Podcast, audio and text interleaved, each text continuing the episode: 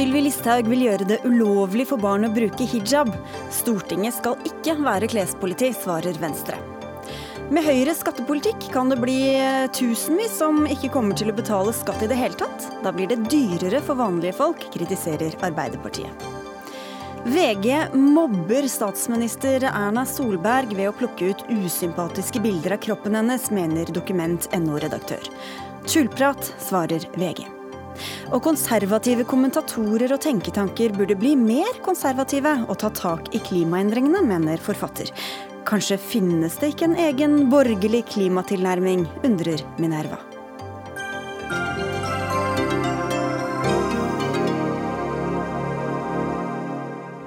Vel møtt til Dagsnytt 18 på NRK P2 og NRK2. Jeg heter Sigrid Solund.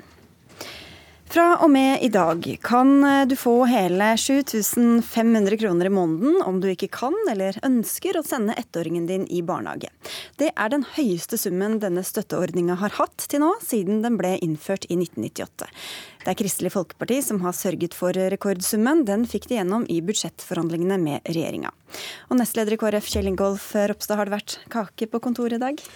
Nei, men det var i Arendal og delte ut kake i går. og det ble I veldig godt anledning, mottatt. ja. Ja. Vi feira. Jeg syns det er en stor sak, ikke bare for oss, men for eh, tross alt 60% av foreldrene til ettåringene som, som bruker kontantstøtte. Men det kan jo hende at de gjør det mot sin vilje, holdt jeg på å si. At de heller hadde ønska seg barnehageplass. Hvorfor er dette en viktig sak for barnefamiliene, mener dere? Vi er jo veldig opptatt av valgfrihet. At jeg har tillit til at foreldrene, som tross alt kjenner sine unge best, velger det som er best for dem i deres situasjon. Så en ting er at vi er stolte av at vi får til økning i kontantstøtten i denne perioden, men vi er vel så stolte av at vi får til et stort løft for barnehagene. Før så snakka vi om 1. september-fristen, eh, og at det var viktig å få fødsel før det. Nå er det 1. desember, og aller helst ønsker jo vi at du kan få barnehageplass når du trenger det. Men vi har jo brukt over 700 millioner okay. på å styrke barnehagene. Så valgfrihet handler jo om både gode og trygge barnehager når du trenger det, men òg mulighet til å kunne være hjemme. Vi skal komme tilbake til det, men først så skal vi se litt på hva som kommer til å skje nå. Nina Drange, du er forsker ved Statistisk sentralbyrå. Ut fra all forskning som dere sitter på, det er jo en del, hva kommer til å hende nå når denne summen økes såpass mye? Nei, det er vel at eh, det er flere mødre som kommer til å, å jobbe mindre. Eh, Det er all- alle de endringene som har vært i kontantstøtten viser det. At eh, når den settes opp, så økes Altså så, øker, så blir kvinnene i større grad hjemme. Mens når den tas bort, så jobber, jobber mødrene i større grad. Du sier mødre. Det er i all hovedsak eh, på mødres arbeidstilbud vi ser, eh, vi ser en effekt. Eh, Fedre den, med barn i den aldersgruppen jobber ganske likt nesten uansett. Og eh, da blir også kvinnene hjemme lenger enn bare denne perioden som kontantstøtten eh, tas ut i? Ja, altså Det var det vi så på. Vi gjorde en evaluering når kontantstøtten ble innført. og Da var det en stor, eh, stor reduksjon i kvinners arbeidstilbud i den perioden som de da hadde eh, tilgang på kontantstøtte. Men vi så òg at for en del så tok det lengre tid å komme tilbake igjen i arbeidslivet. Så det kan òg få på en måte en effekt for, eh, for jobben din etter at du er ferdig med å være hjemme. Hva får det da å si både for de kvinnene det gjelder, og for samfunnet, altså arbeidslivet og samfunnslivet? Nei, altså det er klart For kvinner så er det jo at man mister litt eh, det ståstedet man har i arbeidslivet dersom man, eh, man har en jobb fra før. Eh, Og så kan det selvfølgelig bety at du får litt mindre pensjon eh, seinere. Så det er jo på en måte de økonomiske konsekvensene. Eh, Så kan det òg ha konsekvenser for barna, i den grad de da i større grad blir holdt hjemme og ikke får gå i barnehage. For vi vet at veldig mange barn har godt utbytte av å gå i barnehage òg i ung alder. Ja, Røpstad, viser altså forskninga ganske entydig at det er kvinnene som blir eh, hjemme, ikke bare mens de får kontantstøtte, men også etter det. Hvorfor er det verdt denne valgfriheten som dere snakker om? Vi har jo tillit til at familiene tar de grundige vurderingene og, og prøver å legge til rette til den måten de ønsker å organisere hverdagen sin på.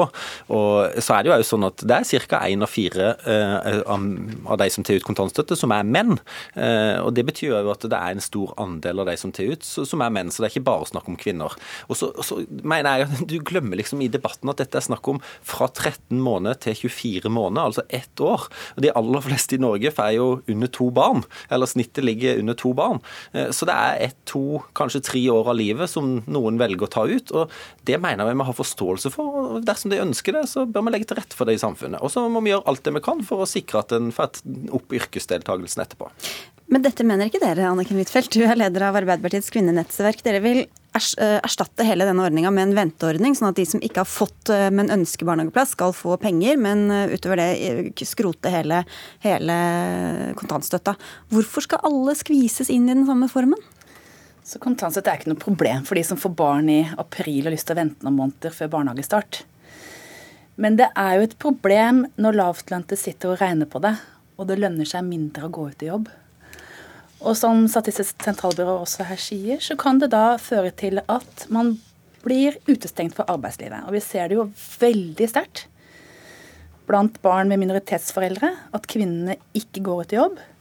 Så sier Ropstad her at vi må ha tillit til foreldrene. Men jeg må jo si at når det gjelder kontantstøtte, så har jo Kristelig Folkeparti også endret syn gjennom disse årene.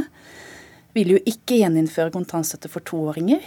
Eh, vi fjernet jo den da vi satt i regjering, så den har jo helt åpenbare negative konsekvenser.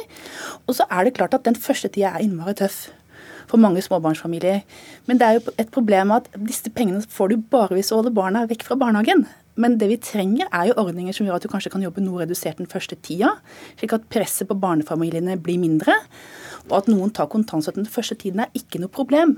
Men det er altså, hvis man tar dette til flere år, så ser vi hva som er konsekvenser for samfunnet. Hvorfor er det ikke et problem at man gjør det i seks måneder, men det er et problem hvis man gjør det i åtte måneder eller tolv måneder?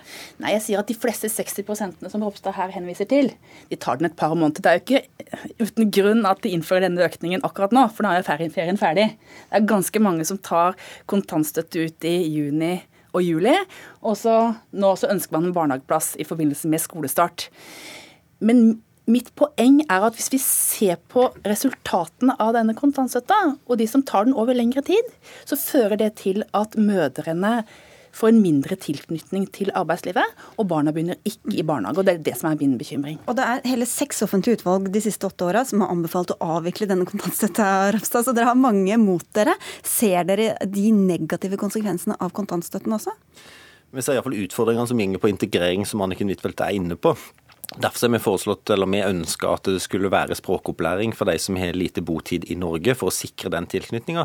Men jeg tror hovedutfordringa, og det tror jeg du vil ha uansett om du fjerner kontantstøtte eller ikke, det går på kultur, at de ønsker å være hjemme med barn, men òg at de har mangel på språk, utdanning, arbeidserfaring, så det er vanskelig for dem å komme inn. Så jeg tror at jeg håper jo at kontantstøtta skal forbli, og det kommer jeg til å gjøre det jeg kan for å hindre at Arbeiderpartiet får fjerna den, men uansett så mener jeg at vi må gjøre enda mer for den gruppa for å få dem ut i arbeid. Men det er riktig som Huitfeldt sier, at dere har skrota den for toåringene oppover? Eller i hvert fall ikke prioritert det ja, lenger? Det, det, vi foreslår nå, det er to ting. For det første så er det å utvide den til 14 måneder. og Det er riktig at vi har gått vekk fra, fra to år. Vi mener at det er det viktigste, og det er de som bruker den mest i den perioden. Eh, og det andre er at vi ønsker en mer fleksibel ordning, og der syns jeg Anniken Huitfeldt egentlig beveget seg inn på det. For vi ønsker at det skal være sånn at hvis du har tre dager barnehage, så skal du få kontantstøtte to dager. Eh, det å sikre den fleksibiliteten, det tror jeg er veldig viktig for mange foreldre. Ja, men det som er galt med den fleksibiliteten du snakker om, er at man må ha ungene borte fra barnehage for å få redusert arbeidstid. Og det er hele problemet, for du blir belønna for å ha ungene vekk. Jeg tror det er viktig å se på Nå ser vi at fødselstallene i Norge går ned og at tidspresset på mange småbarnsfamilier er veldig stort. Og Da må vi se på ordninger som stimulerer til at du har barn i barnehage, men kanskje ikke har så innmari lange dager hver eneste dag. Og Da er kontantstøtte en veldig dårlig da modell. Kan få, da kan du I stedet for å ha noen dager, så kan du ha halv dag, da, og så får du kontantstøtte for resten. Hva er forskjellen på det og på å ha andre fleksible ordninger? Ja, du kan ha full tid i barnehagen og kanskje få noe redusert arbeidstid den første tida. Det er mye viktigere å se på ordninger som kan bidra til det. Men jeg er mot å belønne det å ha mindre oppholdstid i barnehagen, at det skal utløse en kontantstøtte til den enkelte. Bare få høre fra Drangen, Hvem er det som benytter seg av denne kontantstøtta? Nei, altså Det er jo både familier med og uten innvandrerbakgrunn, i og for seg, men det som, man ser, det som forskningen viser på dette, er at det er i større grad f.eks. familier der mor har lav utdanning eh, og har på en måte en lavere tilknytning til arbeidslivet.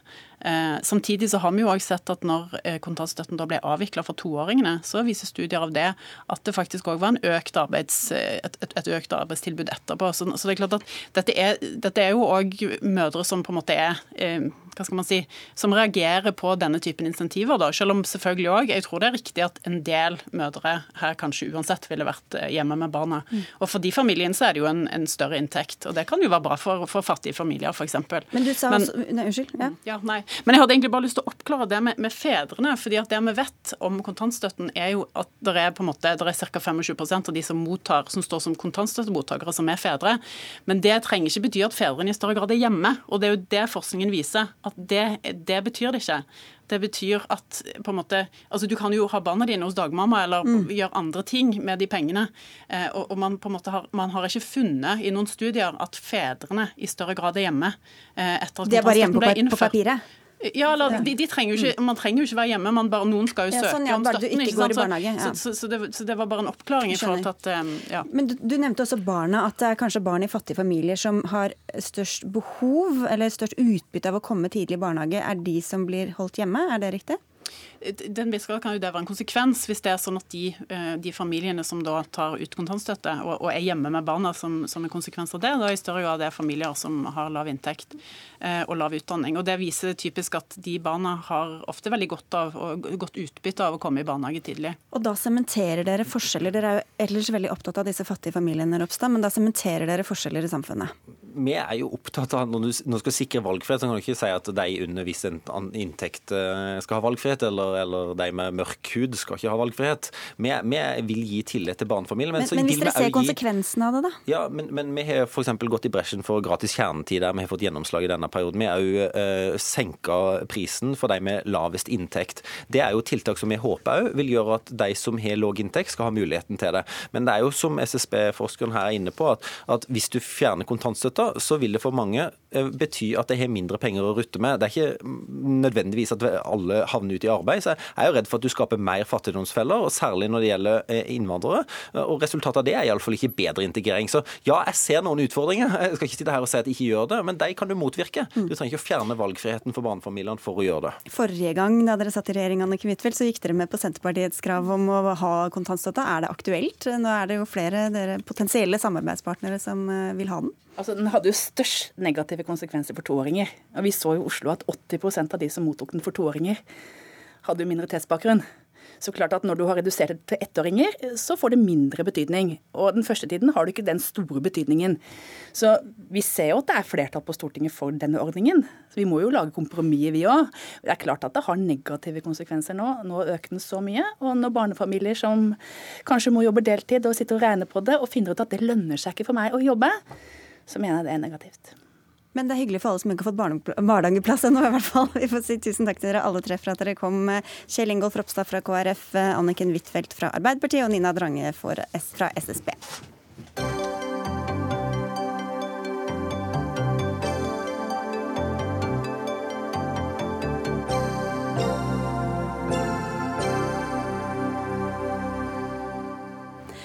Hijab for barn bør forbys, det mener innvandrings- og integreringsminister Sylvi Listhaug. Hun kaller bruken av plagg i grunnskolen og barnehagen for en ukultur. Utspillet i VG har så langt fått eh, skal vi si, lunken mottakelse i det politiske miljøet, Sylvi Listhaug. Men som Frp-politiker er du vel opptatt av å sikre enkeltmenneskets frihet og valgfrihet, mulighet til å velge selv. Hva er det som er så skummelt med hijaben at du vil frata disse menneskene den muligheten? Jeg vil jo gi disse jentene muligheten til å være sammen med gutter og være små barn. Eh, kunne ta sine egne valg når de blir større. Det skal være et fristed fra eh, hijab, som jeg mener er et eh, kvinneundertrykkende plagg som eh, er, brukes for å tildekke seg for menn, som er seksualiserende. og Derfor så hører ikke det hjemme på barn. Og Vi burde satt foten ned for denne ukulturen her for lengst. Det er det ikke flertall for. Men så sier du det med at det ikke er flertall for det. Og, det er klart, det var ikke det for nikab og burkaforbud heller. Men nå kommer det i undervisningssammenheng, nettopp fordi at Fremskrittspartiet i en årrekke har snakka om dette her, kjempa for det påpekt behovet for det. Og så snur det da flere partier, så nå er det flertall. Og det samme kommer til å skje med barnehijab, så vi får gi dem litt tid. Vi er ikke der ennå, i hvert fall. Vi kan komme tilbake til dette med friheten og jenters eget valg. Men til dette med seksualisering. Hvorfor er tildekking av håret verre enn at en fireåring går med bikinitopp eller en tiåring går med miniskjørt? Fordi at her skal man da dekke seg til, dekke til sin skjønnhet, slik at mannen ikke skal se Men seksualiseringen er jo det samme? Nei, det er ikke det samme. Bikini er et plagg som man bruker når man bader i Norge. Det er ingen foreldre så vidt meg bekjent som påtvinger barna sine å gå med det. Dette er en ukultur som er kommet til Norge, og som jeg mener at vi ikke skal akseptere. Derfor så burde det forbys. Og jeg er så forundra over alle de som er for likestilling og for at kvinner skal ha like muligheter, jenter skal ha like muligheter, som aksepterer dette plagget. Jeg tror ikke man ville gjort det hvis det var etnisk norske eh, jenter som hadde blitt påtvunget det. Da ville det pipa fått en helt annen lyd. Hvorfor er det seksualisering å, å bruke et skaut, men ikke, men ikke seksualisering og dekke til ikke-eksisterende pupper på en doåring? Det er fordi at dette er et plagg som er meint å skjule sin skjønnhet for menn. At men det er vel den bikinitoppen òg? At ikke det skal friste menn. Det kommer fra helt andre kulturer som vi, jeg mener er en ukultur. Og Derfor så bør dette være noe som ikke eksisterer i skolen, fordi at der burde være et fristed for disse jentene til å være sammen med alle andre på like premisser, uten å måtte dekke seg til. Sveinung Rotevatn, du er stortingsrepresentant for Venstre. Hva syns du om at små jenter bruker hijab? Nei, Det må jeg innrømme at jeg ikke syns noe om. Jeg tror vi er mange som mener at barnehijab er, er problematisk. Det er Hvorfor ikke gjøre noe med det, da? Ja, Det er det også mange i det muslimske miljøet som mener. Eh, og jeg, synes, jeg minner om at jeg syns det er en vanskelig debatt, dette med forbud. Slik eh, debatter om barn og religion er veldig ofte er. Men jeg tror at det å tre et nasjonalt forbud ned over eh, familiene, eh, skolene, lærerne, fort kan ha en motsatt effekt av det Sylvi Listhaug eh, vil oppnå. For Da vil du sende et veldig tydelig signal for majoritetsbefolkninga til minoritetene. Du vil kunne skape en enda større kløft mellom oss og deg. Og ikke minst så vil du kunne gi det plagget her enda større symbolverdi enn det det allerede har i dag. Jeg tror at vi må klare å stole på at lærere, klassestyrere, rektorer kan ha en god dialog med foreldrene eh, som har unger på sine skoler, og sammen diskutere bruk av barnehijab og komme fram til f.eks. retningslinjer rundt det, på samme måte som en kan diskutere bruk av caps, bruk av miniskjørt, bruk av bikini for den saks skyld. Det er mange diskusjoner rundt hva barn har på seg som en absolutt bør ta, men jeg mener at de diskusjonene er ikke det Stortinget som skal bestemme over. Jeg mener at det må en klare å håndtere lokalt i familiene og i klasserom. Litt flere oppgaver inn i skolen, altså? Nei, altså det er jo ikke det jeg mener. Jeg mener det er en viktig oppgave for en klassestyrer og en lærer for eksempel, Nettopp å ha dialog med foreldre om hvordan en oppfører seg på skolen, og også til dels hvordan unger går kledd. Og jeg tror at hvis det foreldre blir møtt med når de kommer på skolen, er et forbud, så tror jeg at det er en mye dårligere start på den dialogen enn hvis en møter hverandre med gjensidig forståelse og faktisk snakker om det, som absolutt mange mener er et problem, og som også mange i det muslimske miljøet mener er et problem. Jeg mener jo at hele debatten blir fordumma når man sammenligner dette her med caps og, og, bikini og andre ting. Dette er et plagg som er eh, brukt for å dekke seg til for mannen fordi at kvinnene da er underdanig mannen og ikke skal vise seg. Og, og, jeg mener at det er, eh, må det settes ned foten for. Skal... I Norge så har vi tillatt altfor mye eh, å tilpasse oss de som kommer hit. Og nå er det på tide å sette ned foten og faktisk si det, at vi ønsker ikke denne ukulturen her. Eh, og, og da kan vi ikke bare snakke om dialog og dialog og dialog. Det har ikke hjulpet. For vi ser jo en økt bruk av, av dette her i skolen. Fatima Al-Musawi, du er samfunnsdebattant, du er student, og du har brukt hijab fra du var åtte år gammel. Eh, her snakkes det om at den er et plagg som man tar på for å, som er seksualiserende, og man tar på for å beskytte mot menns seksualiserte blikk. Var det sånn for deg? Nei, eh, absolutt ikke. Eh, og det er der jeg også tror på en måte misforståelsen kommer opp når det gjelder barn. fordi at eh, det er ikke sånn at alle barn man ser med hijab, altså alle jenter, er tvunget til å gå med det. For veldig mange så handler det om kanskje kultur, og kanskje ikke alltid religion. fordi at barn har ikke forståelse for religion. Og som det ble nevnt tidligere, at når det gjelder egentlig generelt diskusjonen om religion og barn, så er den litt vanskelig. Eh, for meg så var det jo at uh, mamma var mitt store forbilde. Jeg synes det, Og mange av venninnene hennes gikk med det. Det var noe jeg så som en del av hverdagen min, og derfor følte jeg at det var naturlig for meg å skulle begynne med det. Men det var det ikke for mamma. Eh, mamma var jo helt imot det. fordi at eh, jeg er jo enig, hijab på barn er en uting, men for noen så er det jo eh, noe som de ser på hverdagen, noe som de ser på en måte står hjertet deres nært. Da, når de ser foreldre, når de ser venner har det på, og vil på en måte ha det som en del av seg. Da. Mm. Eh, og derfor velger man på en måte da gå med det.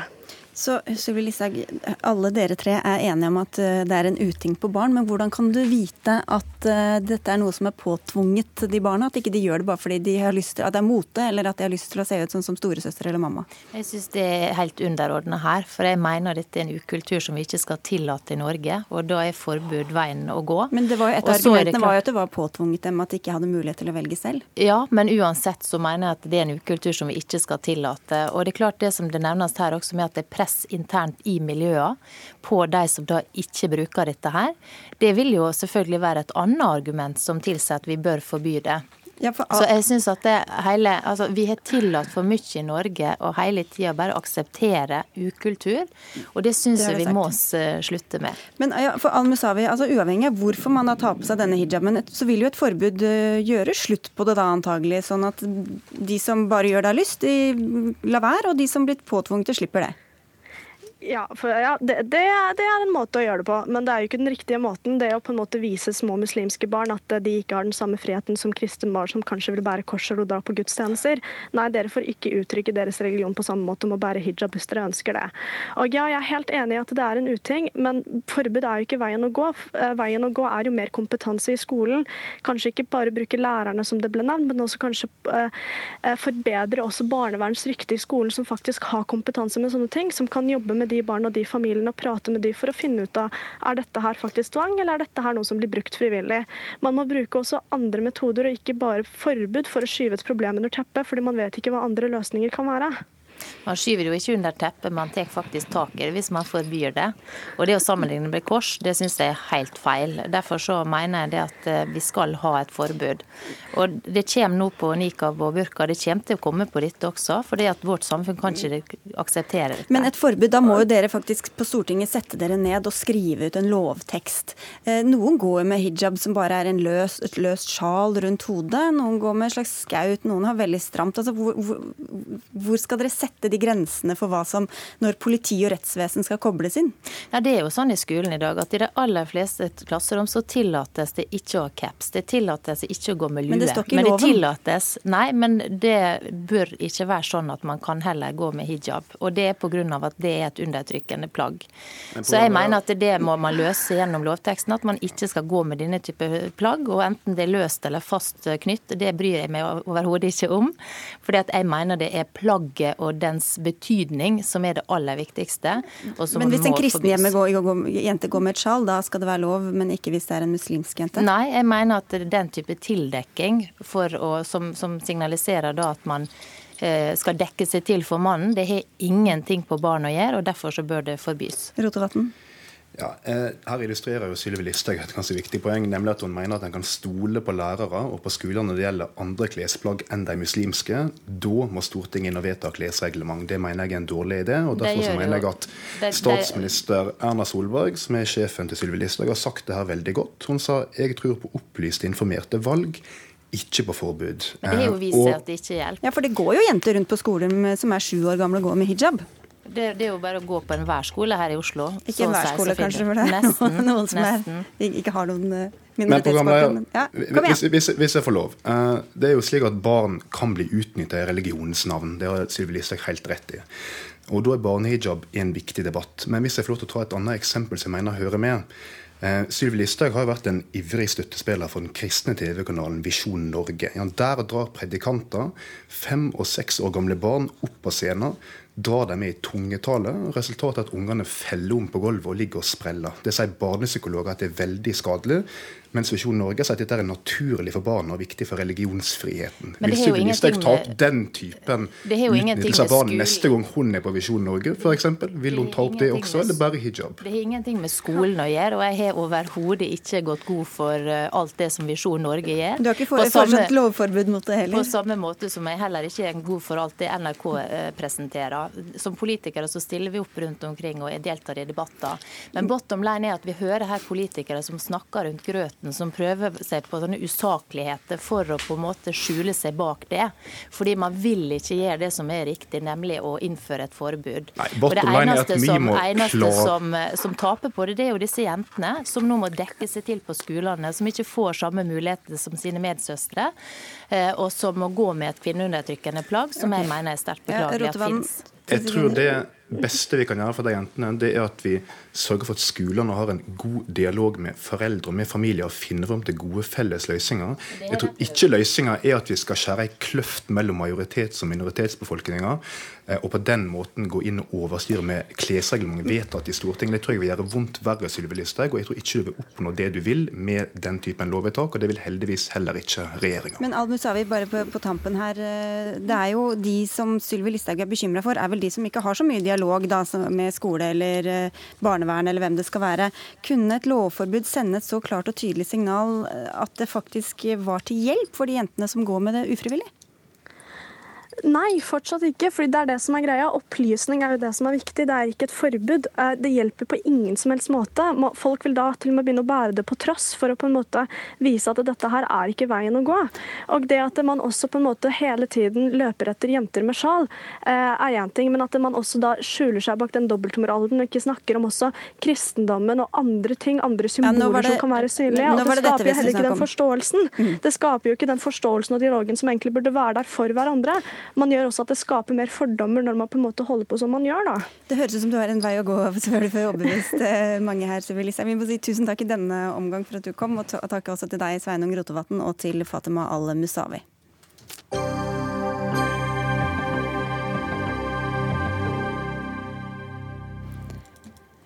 7,5 milliarder kroner, så mye vil statsminister Erna Solberg kutte i formuesskatten på sikt. Halvparten av disse kuttene kommer til å komme landets rikeste til gode, viser regjeringas egne beregninger.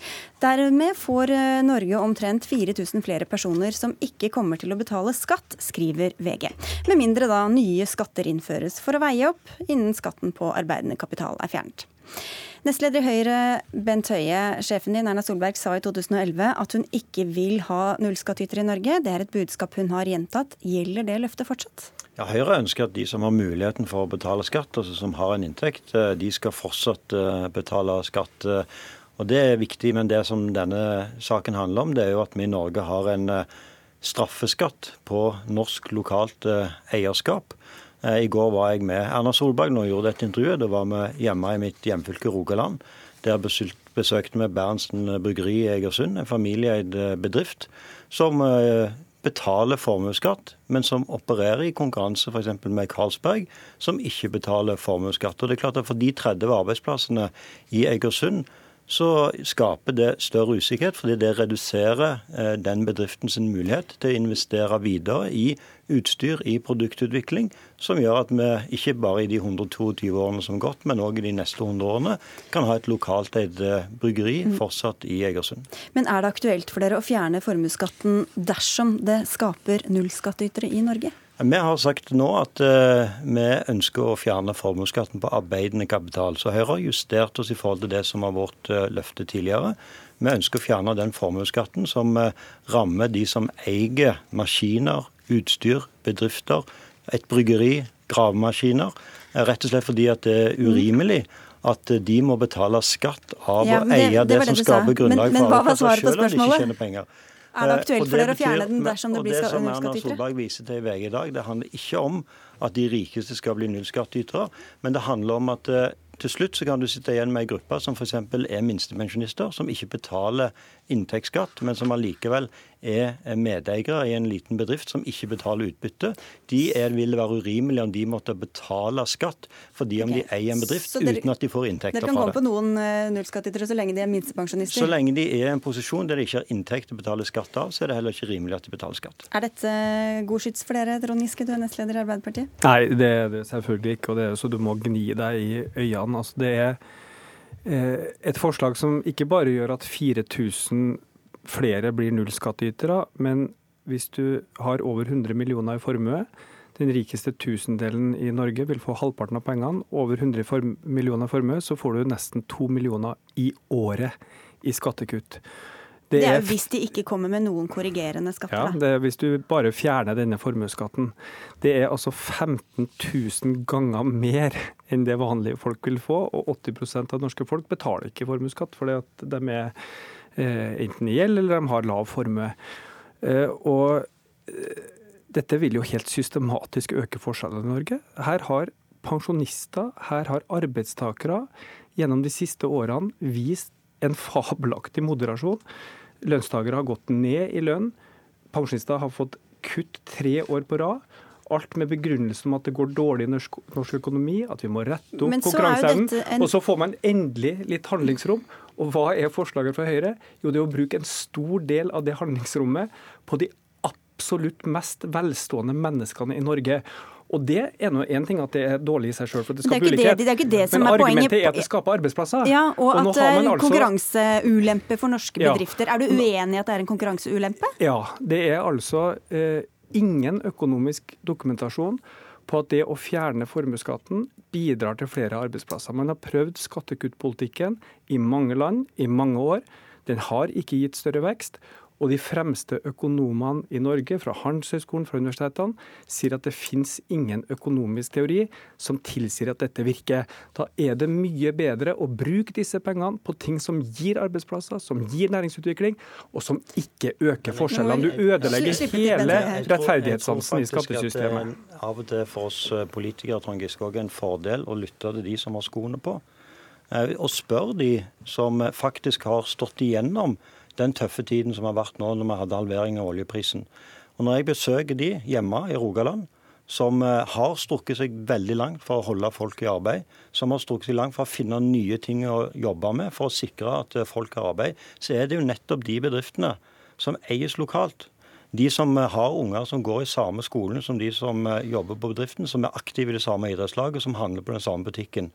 De som strekker seg ekstra hardt, deres beskjed fra deg, Trond Giske, er at hvis vi vinner valget, så skal vi sende dere en ekstra regning på 5 milliarder. Når de nå begynner å se lyspunkt, når de nå virkelig får hodet over vannet og begynner å investere for å trygge disse arbeidsplassene framover, mener du at det er rimelig at de, i motsetning til de konkurrentene som de har, som sitter og blir styrt fra Singapore, fra London og fra, eh, fra Houston, skal måtte betale en straffeskatt fordi de faktisk investerer i arbeidsplasser i Norge? Men altså, Jeg er ikke i tvil om at du møter bedriftseiere som sier at de gjerne vil ha betalt mindre skatt. Og sikkert noen av dem som sier at hvis jeg får betalt mindre skatt, så skal jeg reinvestere det. Det finnes ufattelig mange gode formål. Det finnes veldig mange mennesker i Norge med skoa på, som du sier. Du har sjøl, for å få statsbudsjettet til å gå opp i fjor høst, kutta 600 millioner kroner i sykehusbudsjettet. Nei, men ferdig. Vi hørte i forrige uke Nei, men vi hørte i forrige uke om at det ble kutta 600 millioner i ditt forslag til statsbudsjett i Stortinget. Nei, men hør nå her. Hvis vi skal bruke 7,5 milliard, så er det hver fjerde krone vi har å bruke neste fireårsperiode. Men det er ikke verre enn at du foreslo det samme da du var næringsminister i 2011? Nei, det jeg foreslo for, i 2011 var følgende. La oss få La oss erstatte formuesskatten med en skatt som er lik for ulike formuesobjekt. Eiendom og arbeids kapital. Det fikk vi på plass i fjor. Og ikke bare fikk vi på plass det, vi fikk på en kutt i bedriftsbeskatninga fra 28 til 23% Det var bedriftsskatteopplegget. Det som nå foreslås, er jo ikke at bedriftene skal betale mindre. Det er eierne, dem med de største formuene, som skal betale 7,5 milliard mindre. Og det, du kan ikke, kan ikke snakke om de 7,5 milliardene uten å snakke om hva de pengene kunne brukes til. Det mener det er nullsumspill, og de mener at det ikke er det. Men, men, hvorfor kan dere ikke heller kutte i selskapsskatten, da, som mange mener er mye bedre, bedre, mer treffsikkert uh, Det har vi absolutt gjort, men utfordringen med å bare kutte i selskapsskatten, og det er jo Høyre og Arbeiderpartiet helt enige om, og derfor har vi gjort det, eh, så er det jo det at det, det legger jo ikke bedre vilkår for de norskeide arbeidsplassene. Kutt i selskapsskatten har like stor virkning for Carlsberg som for Berntsen bryggeri. Vi ønsker at det skal òg i framtiden være arbeidsplasser som eies for Norge. Ikke minst så er det det som òg Trond Giske så da han var næringsminister. Det er helt urimelig at når du starter opp en bedrift, f.eks. hvis du starter opp en eh, IKT-bedrift, så kan du ha store verdier uten å tjene ei eneste krone. og Derfor er dette en effektiv hindring okay. for nettopp etablering av bedrifter. Og den rapporten som du selv viser til, Memo-rapporten, den peker nettopp på det at Men formuesskatten rammer statsministeren var på etableringen av de bedriftene som vi nettopp skal Statsministeren leve var på av for i Dagsrevyen i går, ble spurt tre ganger om hun kunne vise til at dette faktisk er arbeidsplasser, og hun måtte til slutt si at nei, det kan jeg ikke. Økonomene sier at det ikke virker. La oss bruke pengene på eldreomsorg, på skole og helse, og ikke på å gjøre de aller aller rikeste det til nullskattytere. diskutere veldig mange ganger i løpet av veldig feil. Det er helt Det sikker er på. helt åpenbart at norsk eierskap trygger norske arbeidsplasser. Takk skal dere ha, Trond Giske og Bent Høie.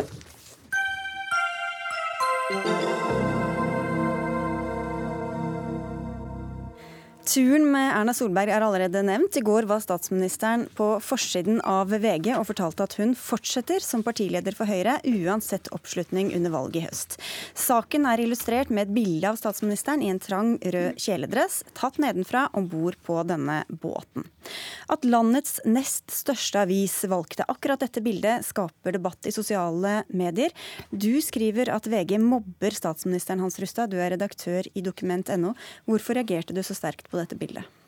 Fordi jeg, jeg trodde nesten ikke på det jeg så. Jeg hadde sett NTBs eh, resymé av intervjuet med henne som partileder, hvor hun sa hun ville fortsette fordi hun hadde stamina. Og så så jeg dette bildet, og altså et bilde sier mer enn ord. Jeg eh, skjønte med en gang at eh, VG prøvde å si noe helt annet. Og så åpnet jeg side fire og fem, og der var det et hel to sider bilde av Erna i en sånn olje, eller en dress ute på en oljeplattform. Og hun er jo omfangsrik, så det understreket at ting sprengte, og at hun er veldig stor. Og det var et ydmykende bilde. Hva var det du mener VG prøvde å si med det bildet? Altså, det er noe som heter vanlig folkeskikk. Hvis du intervjuer landets statsminister og partileder, og hun skal komme med sitt budskap ved innledningen av valgkampen, og du velger et bilde som presenterer henne i et så lite flatterende lys, så er det jeg vil si det er et brudd på alle både vanlig folkeskikk og presseetiske regler. Man gjør ikke sånt. Hanne Skartveit, politisk redaktør i VG. Kan du spørre først, Hadde du blitt likt, uh, likt å bli tatt bilde av i froskeperspektiv uh, på den måten? Dette er en veldig spesiell måte å fremstille det bildet på. Det er et bilde av statsministeren som er invitert til en fotosession i en eh, kjeledress og med hjelm.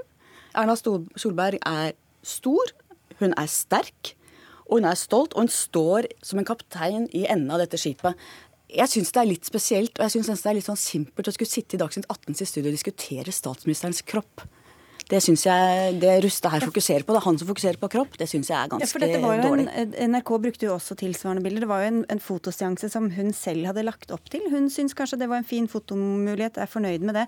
Hva sier det om ditt syn på henne at du reagerer så sterkt? Hvis dere prøver å snu dette til en diskusjon om vårt syn på Erna, det var VGs bilde. B VG er en helprofesjonell avis. De har tusenvis av bilder av Erna Solberg. Når de velger det bildet der, som ser ut som en er liksom i barne-TV som Max Mekker eller noe sånt, nå, så er det for å psyke henne ut. Men jeg hun hadde jo selv tatt på seg den dressen og stilt seg opp for å bli tatt bilde av. Ikke til det spesielle intervjuet. Dette er, var ikke dette et intervju som ble tatt i en eh, helt annen sammenheng? Nei, Nå må du gi deg, Hans Rustad. Dette er våre reportere, Lars Joakim Skarvaug og vår meget erfarne fotograf Harald Henden, som er på tur nå med Erna Solberg, som hadde et intervju med henne underveis på den turen, og som brukte reportasjebildet som vi ble invitert til å ta. Og det er jo du som nå setter fokus på Erna Solbergs kropp, som karakteriserer henne når hun står som hun er, som hun ser ut, som Max Mekker og ydmykende. Erna Solberg vil se stor ut på alle bilder som tas av henne. Hun er trygg. Hun er ujålete. Jeg tror ikke hun har tatt seg nær dette bildet i det hele tatt. Det var de som inviterte til det. Jeg syns det sier mye om ditt kvinnesyn, Hans Rustad, når du karakteriserer et, en, et bilde av en litt stor kvinne på denne måten. Jeg syns det er ganske ekkelt, må jeg si. Det er jo helt utrolig at du greier å gjøre, snu dette til et spørsmål det er vi som er ekkel, når dere presenterer Erna Solberg på en måte som går på hennes personlige integritet, altså hvordan hun ser ut. Eh, Jeg vil bare legge til at Vi har vært i kontakt med statsministerens kontor, som ikke ønsket å kommentere det. bare for å Nei, ha sagt det. Jeg, det skjønner jeg veldig godt. på Nettavisen så valgte ikke, valgte ikke VG Da laget de et brystbilde. ikke sant? De gjorde, altså et nærmere portrett? Mm. Fra et brystbilde, ja. Mens det i papiravisen var brettet ut over to sider. Altså, Kropp betyr veldig mye i vårt samfunn. Det betyr veldig mye for kvinner. Det er, Man skal være vinner, man skal være slank. Og her presenterer man statsministeren på en, en, lite fordelaktig måte, vil jeg si. Men kommer kjernen. Man skal være slank, sier Hans Rustad. Han mener altså at vi skal retusjere et bilde av statsministeren i helfigur fordi hun er større enn gjennomsnittet. Det syns jeg er et utrolig spesielt syn på kvinnekroppen, og et fokus på kvinnekroppen. Og får jeg bare nevne det. Forrige gang Hans Rustad omtalte en kvinnes kropp, var da NRKs nyhetssjef var i en TV-debatt om sak, og han skrev på dokument.no at hun ikke fremsto sexy nok i TV-ruta. Jeg må bare si at jeg syns det er ganske Jeg vil skammet meg litt hvis jeg var det, Hans Rustad, over måten du omtaler kvinner i offentligheten på. Og jeg vil som kvinne ha meg frabedt den type omtale. Ja. Men eh, altså, det dere, det dere, gjør, er å trampe på kvinner som har en stor kropp. Det du vi sikter til med Jo, det, Nei, aldeles ikke. Jeg sier at man går ikke på menneskers kropp. Med, og her er det stor forskjell på menn og kvinner. Menn kan ha et omfangsrik kropp, og det kan gi inntrykk av makt. Sånn er det ikke for kvinner. Dette er en kulturell kode. Det var en utveksling i Stortinget mellom Trine Skei Grande og Erna Solberg hvor de spøkte om sin kroppsvekt.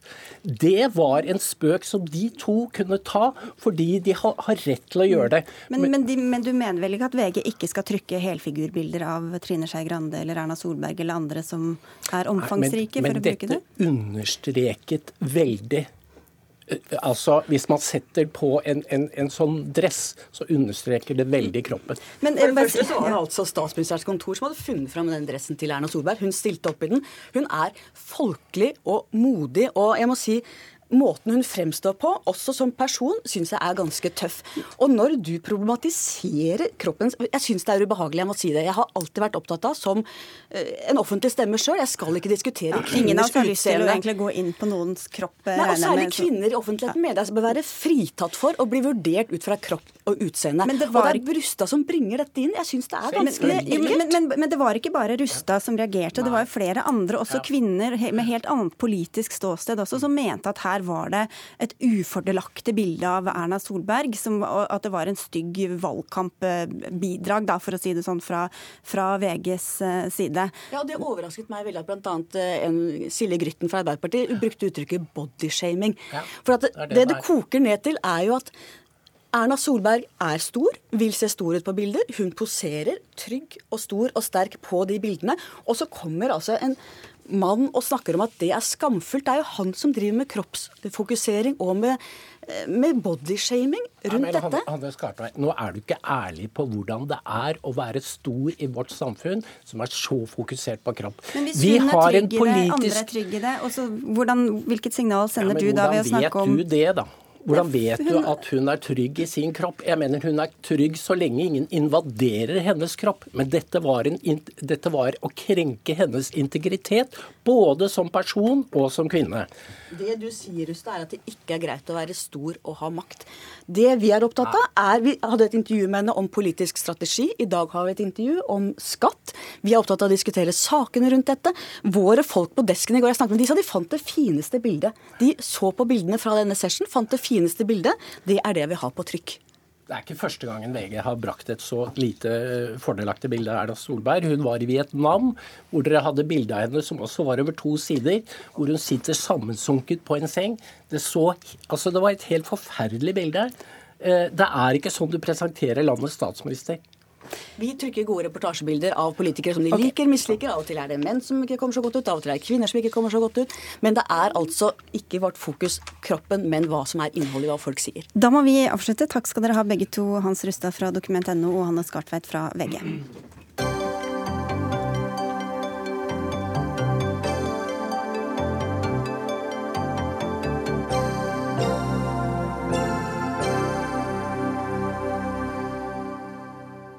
Tror høyresida at klimatrusselen blir borte hvis de bare ikke snakker om den? Ifølge en kronikk i Aftenposten kan det se sånn ut ut fra hvor lite kommentatorer og tenketanker på borgerlig side skriver og snakker om klimaendringene.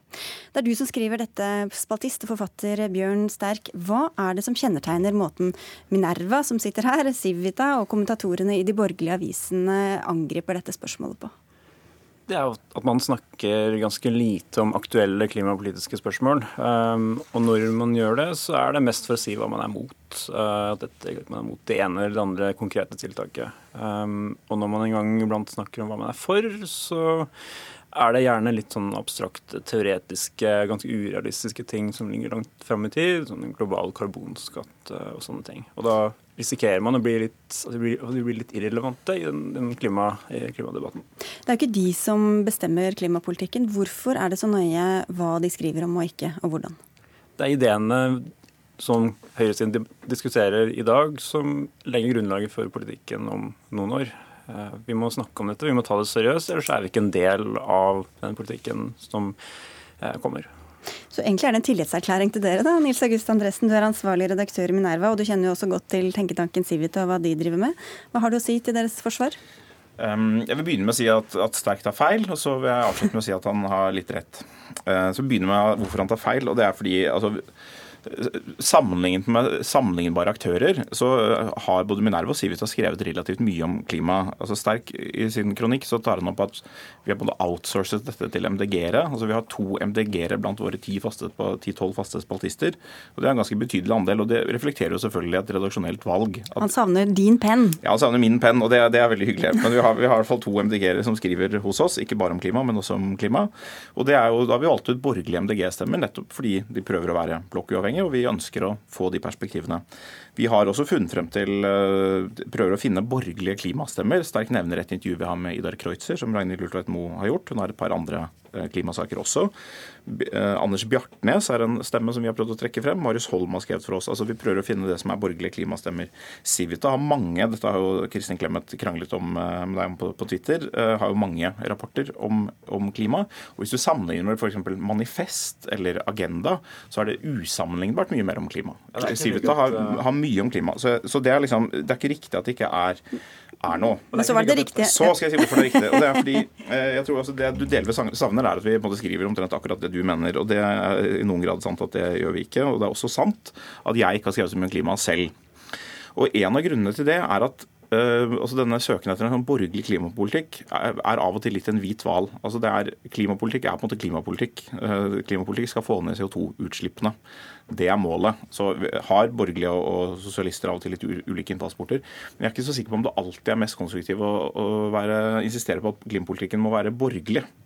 Uh, og det som er et resultat av det, er at det er ikke alltid vi har noen unik innfallsport på klima. Og Minerva er en liten avis som prøver å konsentrere oss om det Eh, der hvor vi har en, en, annen innfallsport enn andre. Og klima er det mange som mener om, og ofte er jeg enig i, i bl.a. ting som Bjørn Sterk uh, sier og sånn. Så dere, de har egentlig ikke noe ekstra å tilføre, virker det som da, Bjørn Sterk? Jeg, jeg, da da, da syns jeg du undervurderer deg selv. Jeg synes at det er nettopp kanskje spesielt uh, konservative som har mye å tilføre. Fordi det er ganske mye overlapp mellom uh, konservative ideer og, og grønne ideer. Det er, så konservative forstår at eh, langsiktig bærekraft er viktigere enn kortsiktig profitt. Eh, konservative forstår at verden er eh, noe vi har fått i arv fra våre forfedre, forvalter, skal forbedre og etterlate de i bedre stand til eh, neste generasjon. Mm. Der har de en del verktøy som de burde bruke. Og det er helt riktig at Minerva, Minerva har mye bra om klima. Det, det det vil jeg si, og det er en, på alle måter en god, en god nettavis. Jeg savner at redaksjonen deltar. Um, ikke for å si det jeg mener, uh, selv om det har vært fint, uh, det også, men, men, for å ta del i denne viktige debatten som, det, som kommer og blir større og større. Kommer inn på så mange områder av politikken. Vi kan ikke skille den ut som et sånn separat område, på samme måte som vi ikke kan outsource alle økonomispørsmål til en eller annen økonom som skriver en gang iblant. Ja, hvis, det, hvis det savner en borgerlig klimapolitikk, kan dere ikke lage den, da? ja, eh, altså, Her kommer vi på det andre problemet. Først si, altså, Bjørn Sterk har fått tilbud om å være spaltist hos oss, han også. Så hvis han savner sin stemme, så, så kan han egentlig skylde Da må du ansette ham også, ellers blir det ny outsourcing. Ja. Men, men eh, altså, hvor, hvorfor ikke lage en ny borgerlig politikk? Og her kommer vi til det andre problemet. Altså, jeg, I mitt tidligere liv så jobbet jeg en del del med klimapolitikk, Kyoto-avtale og, og energimarkeder. Og Et stort problem med klimapolitikk er at det er ekstremt vanskelig. Og det er ekstremt vanskelig for et lite land som Norge å gjøre veldig meningsfulle ting. Og Et resultat av det er at fordi, fordi spørsmålet er veldig veldig viktig, det er det, det er helt enig med, med Sterke, så får man masse symbolpolitikk. Vi, får situasjonen der man må gjøre noe, dette er noe, derfor må vi gjøre det. Da får vi type sant, Vi må ha biodiesel som ikke er godt nok utredet, og vi har politikk som slår hverandre i hjel på mange ulike måter. Mens mange av de både mer sånn nærliggende tingene som vi kunne gjort, som ville vært bra uavhengig av klima, f.eks. slutte med taxfree eller ha en annen eh, innretning på landbruket, det velger vi ikke å gjøre av andre årsaker. Og de som er opptatt av klima, er ofte ikke så opptatt av det heller. Så et av problemene er altså Jeg skrev en, en stor artikkel om hva konservative bør mm. tenke etter Trump, hvor jeg ikke tok opp klima. Det er helt riktig. Det kunne jeg selvfølgelig gjort, jeg tror jeg tenkte på det, men slo det fra meg. Og, og En av grunnene til det er at Eh, klima er et veldig stort globalt problem hvor Norge kan gjøre veldig lite. Hvis Norge skal bidra til klima, så må vi sørge for å ha politisk overskudd i vårt eget samfunn til å kunne gjøre det. Og det er derfor, det vi så I verden så var stor klimapolitikk veldig høyt på agendaen frem til omtrent 2008. og Så kom finanskrisen, så kom eurokrisen, så kom flyktningkrisen, brexit, Trump. Og da klarer vi ikke å snakke om klima. Vi må, vi må rydde opp i verden før vi, vi kan angripe klima. Norge kan rydde opp. Så Norge kan påvirke innvandringspolitikken, Norge kan påvirke vår økonomiske politikk. Og, og, det kan vi gjøre noe med. og Da får vi i hvert fall et grunnlag for å Vi må ha mer overskudd enn en Norge. Vi, og det her, Du skrev en artikkel om konservative ideer, hva de har å fortelle oss i dag. og det er nettopp i samme, akkurat det samme området av, av, konservative ideer som har noe å tilføre til, til klimapolitikken. Ideer om at vi har for et ansvar for hvordan vi påvirker verden. Den, jeg føler at du kanskje sitter deg litt fast i de verktøyene du velger å bruke. Du velger å bruke rene økonomiske verktøy, og så har du en verktøykasse som, er, som, omfatter mye mer, mer, enn det. Men burde han skrive om det, Andresen, da? Eh, selv om han ikke har alle svarene, for å synliggjøre hvor viktig det er også for Vel, Han er jo eller? spesielt godt kvalifisert til å gjøre det, siden han har jobbet med dette. Men jeg, jeg ønsker ikke å si at den, den, denne eller den andre personen skal skrive om klima, men det er litt rart at så få av de faste kommentatorene eh, skriver så lite. Eh, og at når de gjør det, så er det på en litt sånn rar måte at de er mot. Her har vi en overhengende trussel som vi egentlig burde gjort noe med for 30 år siden. Eh, det konservative liker at ting går litt langsomt. Blir det rett og slett eh, litt kulturkollisjon? Altså, jeg, jeg, er på en måte litt, altså, jeg, jeg, tar meg ofte i å tenke huff så dumt at vi ikke skriver mer om klima. Og så prøver jeg å finne ut hva skal vi gjøre, eh, akkurat hva skal vi skrive om, og så finner vi at det ikke er så lett. Og det du skriver om som altså, at man holder på med økonomiske virkemidler eller tekniske ting, det er, det er politikk. Altså, jeg kan godt skrive vi burde som konservative ta vare på jordkloden, men det er ikke policy. Det er, måtte, det er fagre ord og, og, den type ting. Utfordringen er å knytte det sammen, og det er veldig vanskelig. Og så kan man eh, jeg får ta innover meg at vi fremstår, hvis vi fremstår som slappe, så, så får man gjøre det. Jeg pleier å, Hvis det er noen klimafornektere i Fremskrittspartiet, sånn, så hender jeg skriver en streng kommentar om det. men, men Eh, det å finne policy, som er det som faktisk kan løse problemet, det er fantastisk krevende. Eh, og det, det krever internasjonale løsninger. og Derfor må vi få et internasjonalt system som politikk, fungerer. Politikk er mer enn det rene de økonomiske verktøyene. Politikk handler om, om, mennesker. Det handler om, hvordan, det handler om å legge til rette for teknologisk utvikling.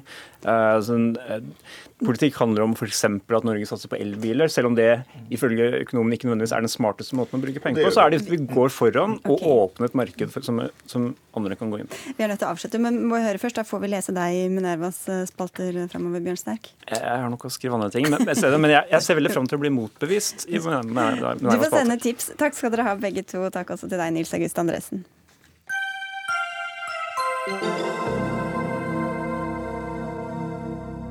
Fremskrittspartiets ungdom frykter at det offentlige helsetilbudet kommer til kort når vi blir mange flere eldre. Løsninga de foreslår er at Stortinget tvinger kommunene til å gjennomføre obligatorisk anbud på eldreomsorg. I dag er det opp til kommunene. Bjørn Kristian Svensrud, du er leder i FPU. Hvorfor skal Stortinget tvinge kommunene til å kjøre anbudsrunder? Det er rett og slett fordi at For oss i FPU så handler dette om hvordan vi kan skape et best mulig velferdstilbud for våre eldre. Eh, og Da mener vi at det skal være en plikt for kommunene til å snu seg rundt. Se seg om er det noen tilbydere ute som kan drive bedre enn oss. Eh, og De fleste kommunepolitikere vil jo tro er opptatt av å skape et best mulig tilbud. Eh, og Da mener jeg også at det bør være en plikt eh, for disse kommunepolitikerne til å faktisk se seg rundt. Finnes det andre som kan drive bedre enn oss? Eh, og Hvis det finnes, så bør de få lov til å drive eldreomsorg i, i de kommunene. Ja, Men hvis det ikke finnes, da? Altså, hvis det er små kommuner hvor det ikke er hensiktsmessig å drive med ombud, hva tjener da et sånt påbud? Men Da finner vi ut av det. Uh, problemet i dag er jo at 75% av landets kommuner styres av Arbeiderpartiet og Senterpartiet, som nekter uh, å, å, å, prøve å finne ut om det finnes andre tilbydere der ute som, som kan drive bedre enn kommunen. Uh, og Da står vi jo i, litt i gjørma, hvor man har flere tilbydere der ute som kan drive bedre, som kan drive billigere, men som ikke får lov. Og Da mener jeg at det er vår plikt å sørge for at hver eneste bestemor og bestefar i dette landet skal få det beste tilbudet, uavhengig av om det er privat eller offentlig tilbuder. Ina Libak, du er nestleder i AUF. Eh, ja, anbudsrunder eh, påtvunget, hva syns du? Ja, det her synes jeg er et uh, veldig dårlig forslag. og jeg synes Det er mange problemer med det forslaget her. Men hovedproblemet det er jo at det ikke løser noen av de utfordringene som er i eldreomsorgen i dag. Vi ser jo at i årene som kommer så må vi investere mye i eldreomsorg. Vi må bygge flere sykehjemsplasser, vi må ha flere ansatte, vi må ha mer livskvalitet i eldreomsorgen. Men det siste vi burde gjøre, det er jo å tvinge kommuner til å konkurranseutsette eldreomsorgen sin.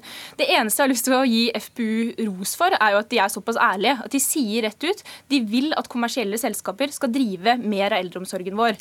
Jeg mener jo det vil ta oss mot en helt annen eldreomsorg, og jeg er veldig uenig i det. Bjørn Kristian sier at han eh, har lyst til å ha en best mulig eldreomsorg. Det er jeg enig i, men da må vi bruke pengene på eldreomsorg, og ikke på kommersielle selskaper. Vi vet at de tar ut mange millioner i profitt. Vi vet at det skjer hvert eneste år.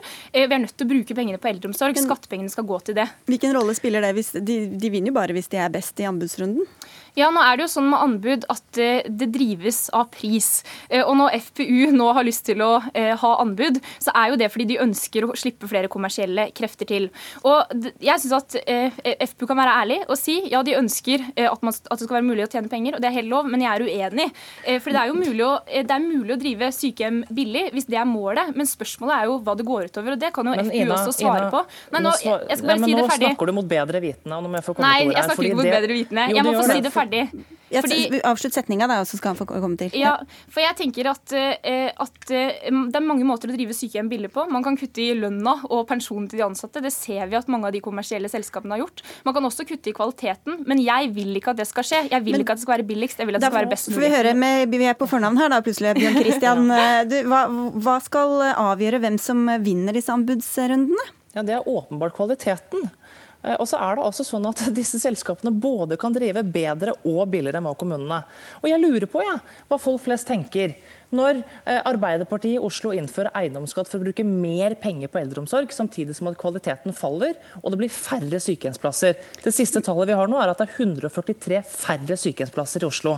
Men... Den samme utviklingen ser vi i Bergen. Den samme utviklingen ser vi i Tromsø. Når brukerstyrt uh, hjemmetjeneste skal, uh, ikke lenger skal være uh, valgfritt. Eh, og, så er det altså sånn at uh, Ina snakker om at det er lavere lønn, at det er lavere pensjon. Men det er jo feil. Eksempelvis Tall fra Norwegian Insurance Partner viser jo at arbeidstakere i privat sektor som har innskuddsbasert pensjonsordning, får mer i pensjonsutbetaling når de går av med pensjon ved 67 år, enn de som jobber i offentlig sektor. Men, så det er jo direkte feil. Samtidig så koster det jo tid og penger å ha alle disse anbudsrundene og stadig nye konkurranser og, og kortsiktige kontrakter, eller hva vet jeg. Men det, det viktigste her er jo hvordan vi kan skape et system som sørger for den beste omsorgen for våre eldre. Eh, ta f.eks. Eh, Skår sykehjem i, i Lier. Det er altså en familiebedrift som har drevet i generasjoner.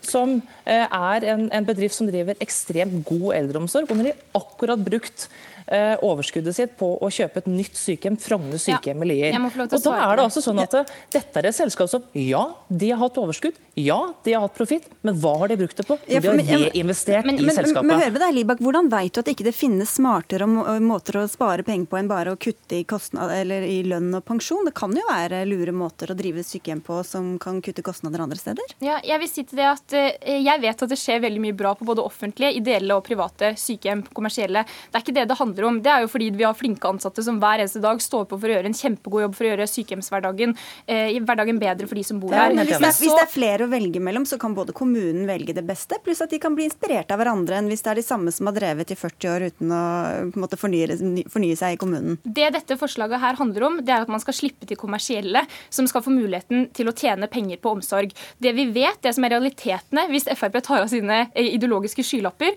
det er at kommersielle sykehjem de tar ut veldig mye profitt som kunne vært brukt på driften, som kunne vært eh, brukt til å heve kvaliteten.